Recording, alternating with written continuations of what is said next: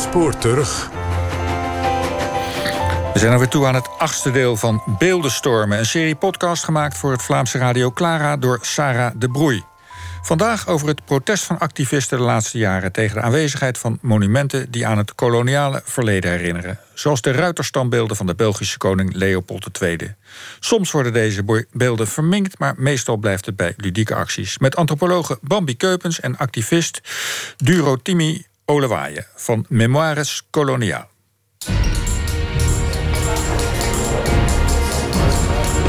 Beeldenstormen.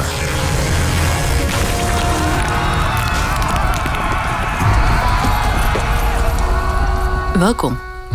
Ik woon in Gent en in het Zuidpark staat daar een borstbeeld van koning Leopold II. En in het grotere Citadelpark zit bovenop een rots het Moorke, zoals wij hem noemen in Gent. Zijn naam is Sakala en hij was het huisslaafje van een Gentse ontdekkingsreiziger. Ik weet niet precies hoeveel beelden van Leopold II en andere koloniale monumenten er in België staan, of ook niet hoeveel Leopold II-lanen er zijn. Maar als ik naga bij mezelf hoeveel ik er gewoon al van buiten kan opnoemen, moeten het er erg veel zijn. Maar misschien zullen al die beelden niet zo lang meer ongestoord kunnen blijven staan waar ze staan. Want ik weet niet of het u al was opgevallen, maar er is in ons land een zachte beeldenstorm bezig tegen deze monumenten. In juni circuleerde er nog een petitie waarin gevraagd wordt om ingrepen te doen bij al die koloniale monumenten. Een van de ondertekenaars van die petitie was Bambi Keupes. Zij is antropologe en als onderzoekster verbonden aan het Museum voor Midden-Afrika in Tervuren. Ik maakte een afspraak met haar om over de vele koloniale monumenten in België te praten, want als je erover begint na te denken, is het toch wel erg vreemd dat er nog altijd zoveel van deze beelden in onze publieke ruimte staan. Om die aanwezigheid te begrijpen moet men eerst en vooral beseffen dat die monumenten niet werden opgericht onmiddellijk na zijn dood. Uh, want op dat moment was hij eigenlijk heel onpopulair. Uh, omwille van die kolonisatie van Congo bijvoorbeeld, maar ook omwille van uh, zijn persoonlijke leven dat niet onbesproken was. En eh, de meeste van die standbeelden zijn dus uh, eigenlijk pas veel later uh, opgericht. En het is ook pas na de Eerste Wereldoorlog, de periode zeg maar tussen de twee wereldoorlogen, dat werkelijk die mythe is ontstaan en gevoed van Leopold II als de visionaire koning die zijn kleine landje had opgestuurd in de vaart der volkeren, een grote kolonie had geschonken, enzovoort, enzovoort.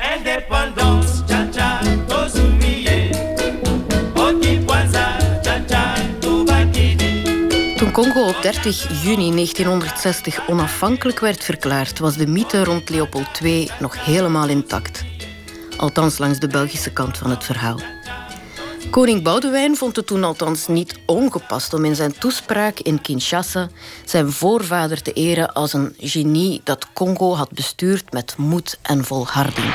L'indépendance du Congo constitue l'aboutissement de l'œuvre conçue par le génie du roi Léopold II, entreprise par lui avec un courage tenace et continué avec persévérance par la Belgique. Misschien hadden al die monumenten die in België werden opgericht ter ere van de grootste daden van zijn grootvader zijn historisch inzicht een beetje vertroebeld. En sommige van die monumenten zijn werkelijk nogal imponerend, of misschien zeg ik beter arrogant het bekendste beeld en mogelijk het, het beeld dat het meest tot de verbeelding spreekt van Leopold II is het uh, beeld op de dijk in Oostende een ruiterstandbeeld. En dat zou ook meer te maken hebben met mythevorming dan met de realiteit. Uh, blijkbaar eh, was Leopold II niet zo'n uh, enthousiast ruiter. Maar dat is natuurlijk ehm, de manier waarop koningen en vorsten gedurende eeuwen zijn afgebeeld. En hij torent dus hoog uit boven Congolezen die naar hem opkijken. En het is dat verschil zeg maar, in hoogte en ook in perspectief, de manier waarop de Congolezen naar hem opkijken, terwijl hij niet naar hen kijkt, hij kijkt zo in de verte over eh, de zee, dat is natuurlijk eh, heel typisch voor de manier waarop tijdens de koloniale tijd werd gedacht eh, over de relaties die er zouden bestaan hebben tussen Leopold II en de Congolezen en bij uitbreiding Belgen en Congolezen. Het andere, meest bekende beeld is natuurlijk het beeld dat voor het Koninklijke Paleis uh, staat. En dat iedereen die wel eens de tunnels neemt of langs de kleine ring uh, loopt, uh, wel al eens gezien zal hebben. En aan dat ruiterstandbeeld van Leopold II op het Roomplein in Brussel had ik een afspraak met Durotimi Olawaie. Ja, dus we zijn hier aan het Troonplein, dicht bij de Naamse Poort, dicht bij de nog steeds Afrikaanse getinte wijk Matonge. Enorm veel passage, een heel zichtbare plek. Naast het Koninklijk Paleis eigenlijk. Hè. En daar zit koning Leopold, de visionair, de grote koning en de massamoordenaar. Durotimi is een jonge activist en een Gentenaar met Nigeriaanse roots. In Brussel, waar hij nu woont, sloot hij zich aan bij de actiegroep Collectif Mémoire Coloniale et Lutte contre les Discriminations. Daarnaast is hij ook huisarts en dat zijn twee dingen die voor hem perfect samengaan. Als arts zie ik het ook als mijn roeping om uh, een genezende rol te gaan innemen en zie ik uh, racisme als een maatschappelijke ziekte. Ik ben opgegroeid niet echt in stad, in stedelijk Vlaanderen, maar in voorstedelijk Vlaanderen. En ja, ik, ik heb daar toch heel wat onwetendheid, minachting tegengekomen voor alles wat geassocieerd kan worden met Afrika. En um, naast dus dat, dat racisme, die negatieve ervaringen, heb ik ook door in mijn puberjaren naar Afrika te kunnen reizen, door Afrikaanse geschiedenis te leren, enorm positieve, waardevolle dingen ontdekt die ik denk voor de hele mensheid en voor heel wat crisissen die we nu doormaken eigenlijk een goede bijdrage zouden zijn. Ja. Durotimi en ik stonden daar dus voor dat beeld van Leopold II. Behalve wat gekke toeristen sloegen de meeste passanten niet echt acht op hem. Langs de hoge sokkel keken we nog eens goed omhoog en ik vroeg hem om het beeld eens te beschrijven. Wat hij met hoorbaar plezier deed. Statig, statig heel imposant zit hij daar op zijn paard en kijkt vooruit richting uh, de ING-bank. Blijkbaar was dat al heel lang een bank. Tussen koning Leopold en het grote geld, het grote kapitaal, de grote bedrijven, was het al sinds koek en ei. Laten we even rondstappen. Zoals je ziet, zijn het niet enkel mensen die, die het beeld soms uh, willen bekladden. Vandaag heeft er uh, blijkbaar een duif op zijn hoofd zijn behoefte gedaan. maar um, hier achteraan het beeld zien we een klein plakkaatje. Ja, ik zal even voorlezen wat er staat. Le cuivre et l'étain de cette statue proviennent du Congo belge. Ils ont été fournis gracieusement par l'Union minière du Haut-Katanga. Dus de, koper en de tin in dit standbeeld komen uit Belgisch Congo. En uh, ze zijn gegeven door de Union Minière, een uh, Belgisch koloniaal bedrijf in het toenmalige Congo. Onze Congo, zoals oud-kolonialen de Belgische kolonie graag noemden. Het is trouwens ook de titel van een van de boeken van Bambi Keupes, maar bij haar staat er wel een vraagteken achter. In dat boek onderzoekt ze hoe de Congolezen de koloniale tijd hebben ervaren. Ik vroeg haar om nog eens te vertellen hoe het er in Congo aan toe ging in de tijd van Leopold II. Leopold II heeft controle verworven eh, op Congo in 1885, heeft in 1908 eh, de controle moeten overstaan aan de Belgische staat. En eigenlijk eh, heeft hij doorheen die hele periode eigenlijk voortdurend oorlog gevoerd. Met mensen, zij het van buiten Congo, zij het Congolese zelf, die dus inderdaad zeg maar, uh, ook aanspraak maakten uh, op het grondgebied of delen van het grondgebied. Um, en ook bij die voortdurende oorlogen zijn er vele duizenden mensen gestorven. Er gebeurde onder Leopold II vrede dingen in Congo. En ik vroeg Bambi Keupens of we daar cijfers over hebben. Hoeveel slachtoffers heeft Leopold in Congo gemaakt? Er bestaat geen eensgezindheid, eerst en vooral over als we het hebben over de slachtoffers, over wie hebben we het dan? Hebben we het alleen over de directe slachtoffers of ook over de indirecte? Hebben we het alleen over de mensen die gedood zijn? Of uh, rekenen we daar bijvoorbeeld ook uh, de vrouwen bij die zeg maar verkracht werden om hun mannen inderdaad te intimideren? Um, en dat is een praktijk die we nu in een oorlogscontext nog altijd zien. Of er zijn bijvoorbeeld verhalen gekend van vrouwen die bijvoorbeeld rond hun enkel kostbare uh, juwelen droegen. En dat uh, soldaten bijvoorbeeld gewoon hun voet afhakten om dus die enkelband te kunnen veroveren. Dat zijn natuurlijk ook slachtoffers, zelfs al zijn ze niet gestorven.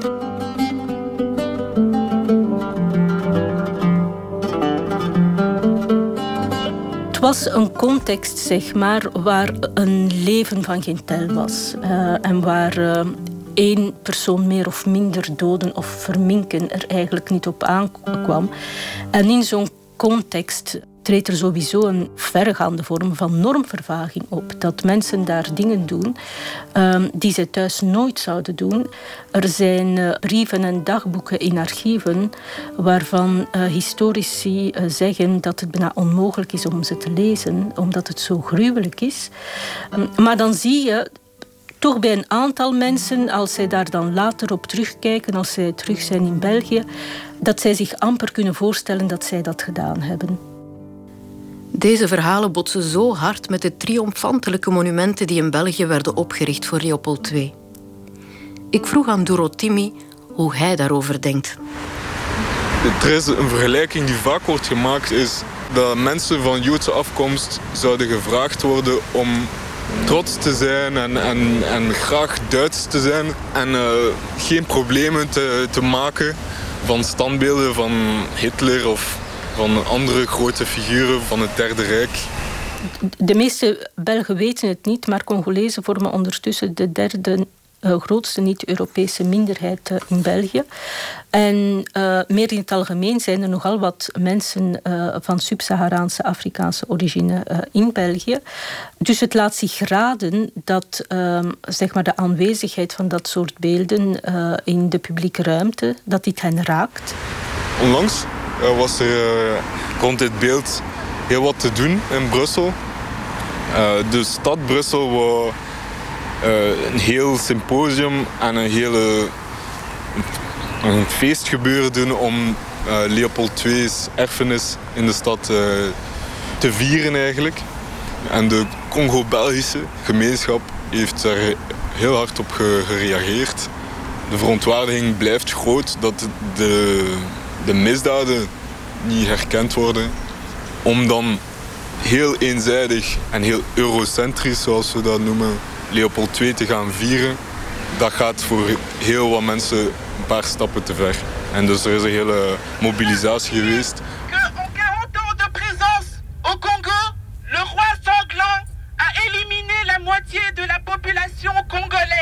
De mensen zijn samengekomen aan het standbeeld. Er zijn kaarsen gebrand, er zijn voordrachten geweest.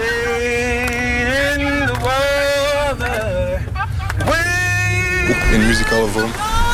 Enkelingen hebben uh, het standbeeld uh, beklad met rode verf. Zoals vroeger ook al re regelmatig is gebeurd.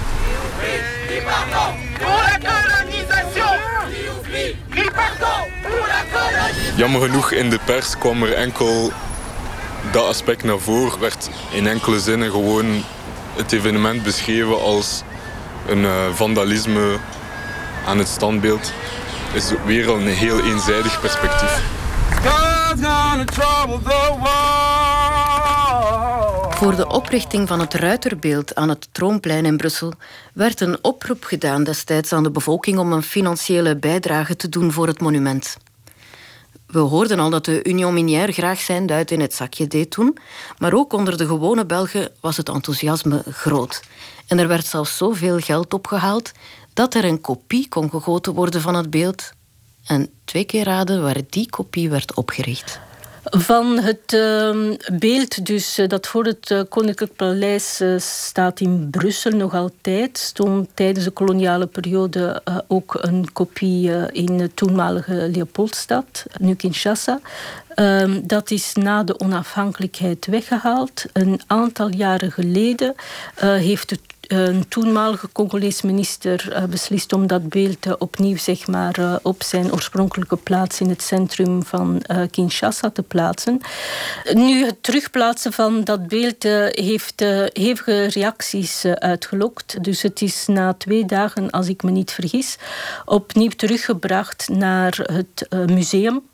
En op langere termijn is de idee daar om een soort publieke ruimte te creëren naast het museum waar dat soort koloniale beelden terecht kan komen.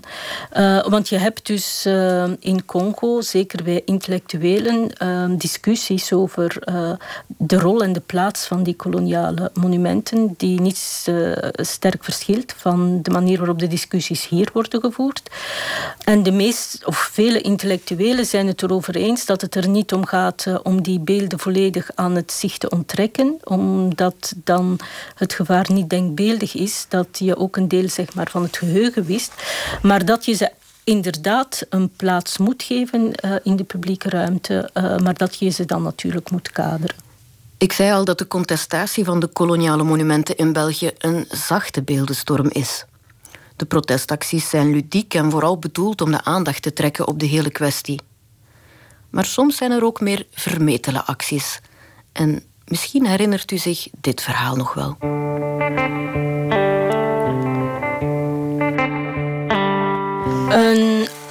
Aantal jaren geleden, ik denk dat het in 2004 was, heeft een groep eh, activisten in Oostende het op zich genomen om met een klein uh, zaagje, dus uh, een van de handen van de Congolese figuren die dus opkijkt naar Leopold II af te hakken. als protest dus tegen het feit dat een man die zo controversieel is, nog zo'n prominente plek krijgt in de publieke ruimte zonder dat daar enige kanttekening wordt uh, bij geplaatst.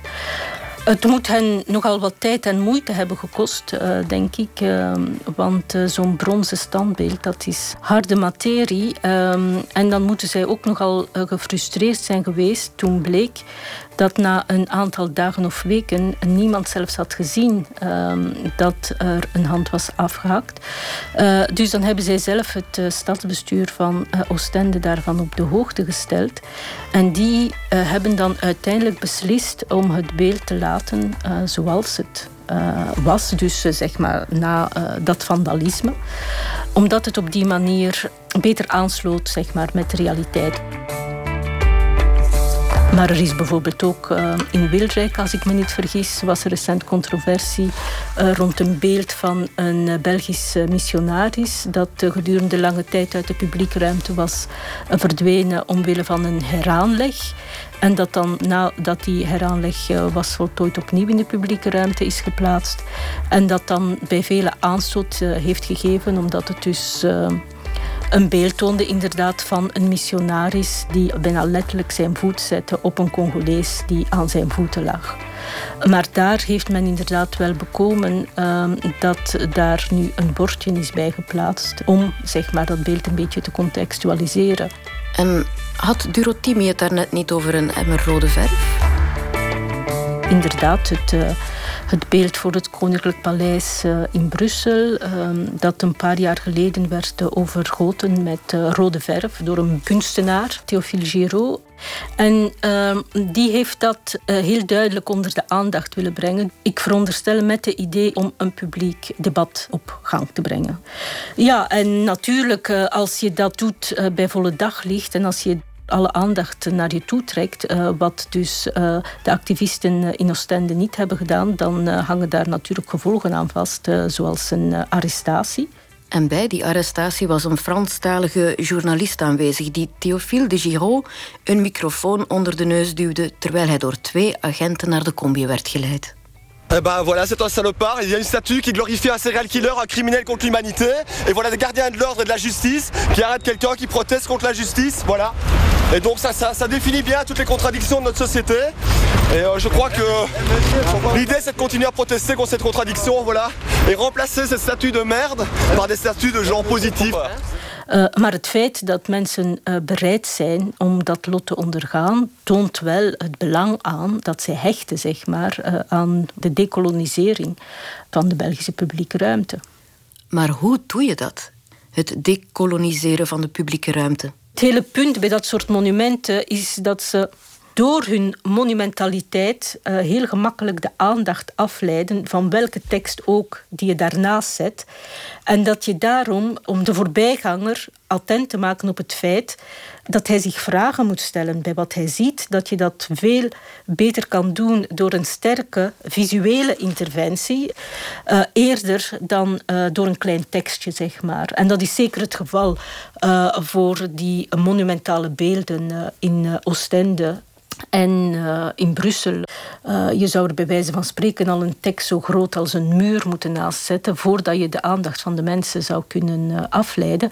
En om dat gevoel te doorbreken, denk ik, kan je niet anders dan proberen een artistieke interventie te doen die mensen even doet stilstaan en die een soort reactie teweeg brengt. De vraag is helemaal niet om de beelden te verwijderen of te vernietigen. Maar het beperkt zich ook niet tot een plakkaatje die de beelden contextualiseert. Wij, wij zouden graag in het straatbeeld ook meer elementen zien die een meerzijdig perspectief tonen op de geschiedenis, op ons erfgoed. Maar uh, ook plaats maken voor een herdenking en een waardering van figuren van over heel de wereld die constructieve bijdrage hebben geleverd aan de mensheid. En ik denk, uh, Brussel als, als hoofdstad van Europa is daar een perfecte plek voor. Daarom zijn we ook actief in uh, ja, een soort strijd om een Lumumba-plaats in België te kunnen bewerkstelligen. Lumumba, een figuur die gediaboliseerd is, maar die uiteindelijk niet gewelddadig te werk ging. Die uh, zich verzette tegen structureel racisme. En die dus ook een samenleving wou uh, waar iedereen kan, kan uh, positief samenleven.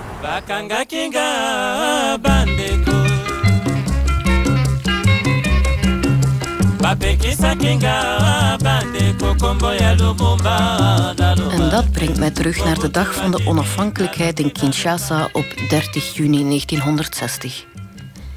Na de toespraak van koning Boudewijn nam toen de nieuwe premier van Congo, Patrice Lumumba, het woord en niemand in het publiek was voorbereid op wat hij toen zei. Nous avons connu les ironies, les insultes, les coups que nous devions subir matin, midi et soir parce que nous étions des nègres. Nous avons connu que la loi n'était jamais la même selon qu'il s'agissait des blancs ou des noirs, accommodante pour les uns, cruelle inhumaine pour les autres. Ensemble, mes frères, mes sœurs, nous allons commencer une nouvelle lutte, une lutte sublime qui va mener notre pays à la paix, à la prospérité et à la grandeur.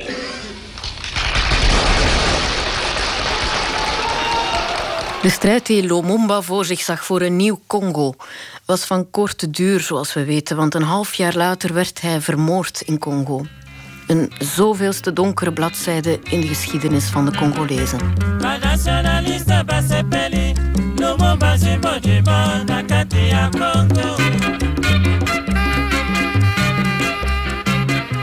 U hoorde in deze aflevering Bambi Keupes en Dorotimi Olawaye.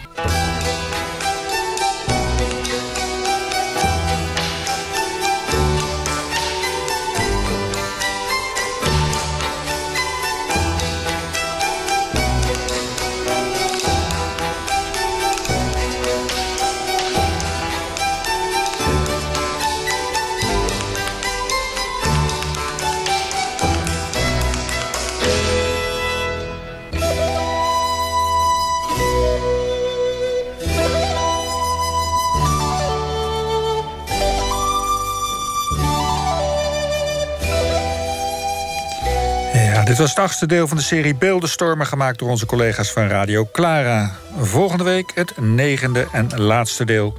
over de vernietiging van 3000 jaar oude kunst door IS.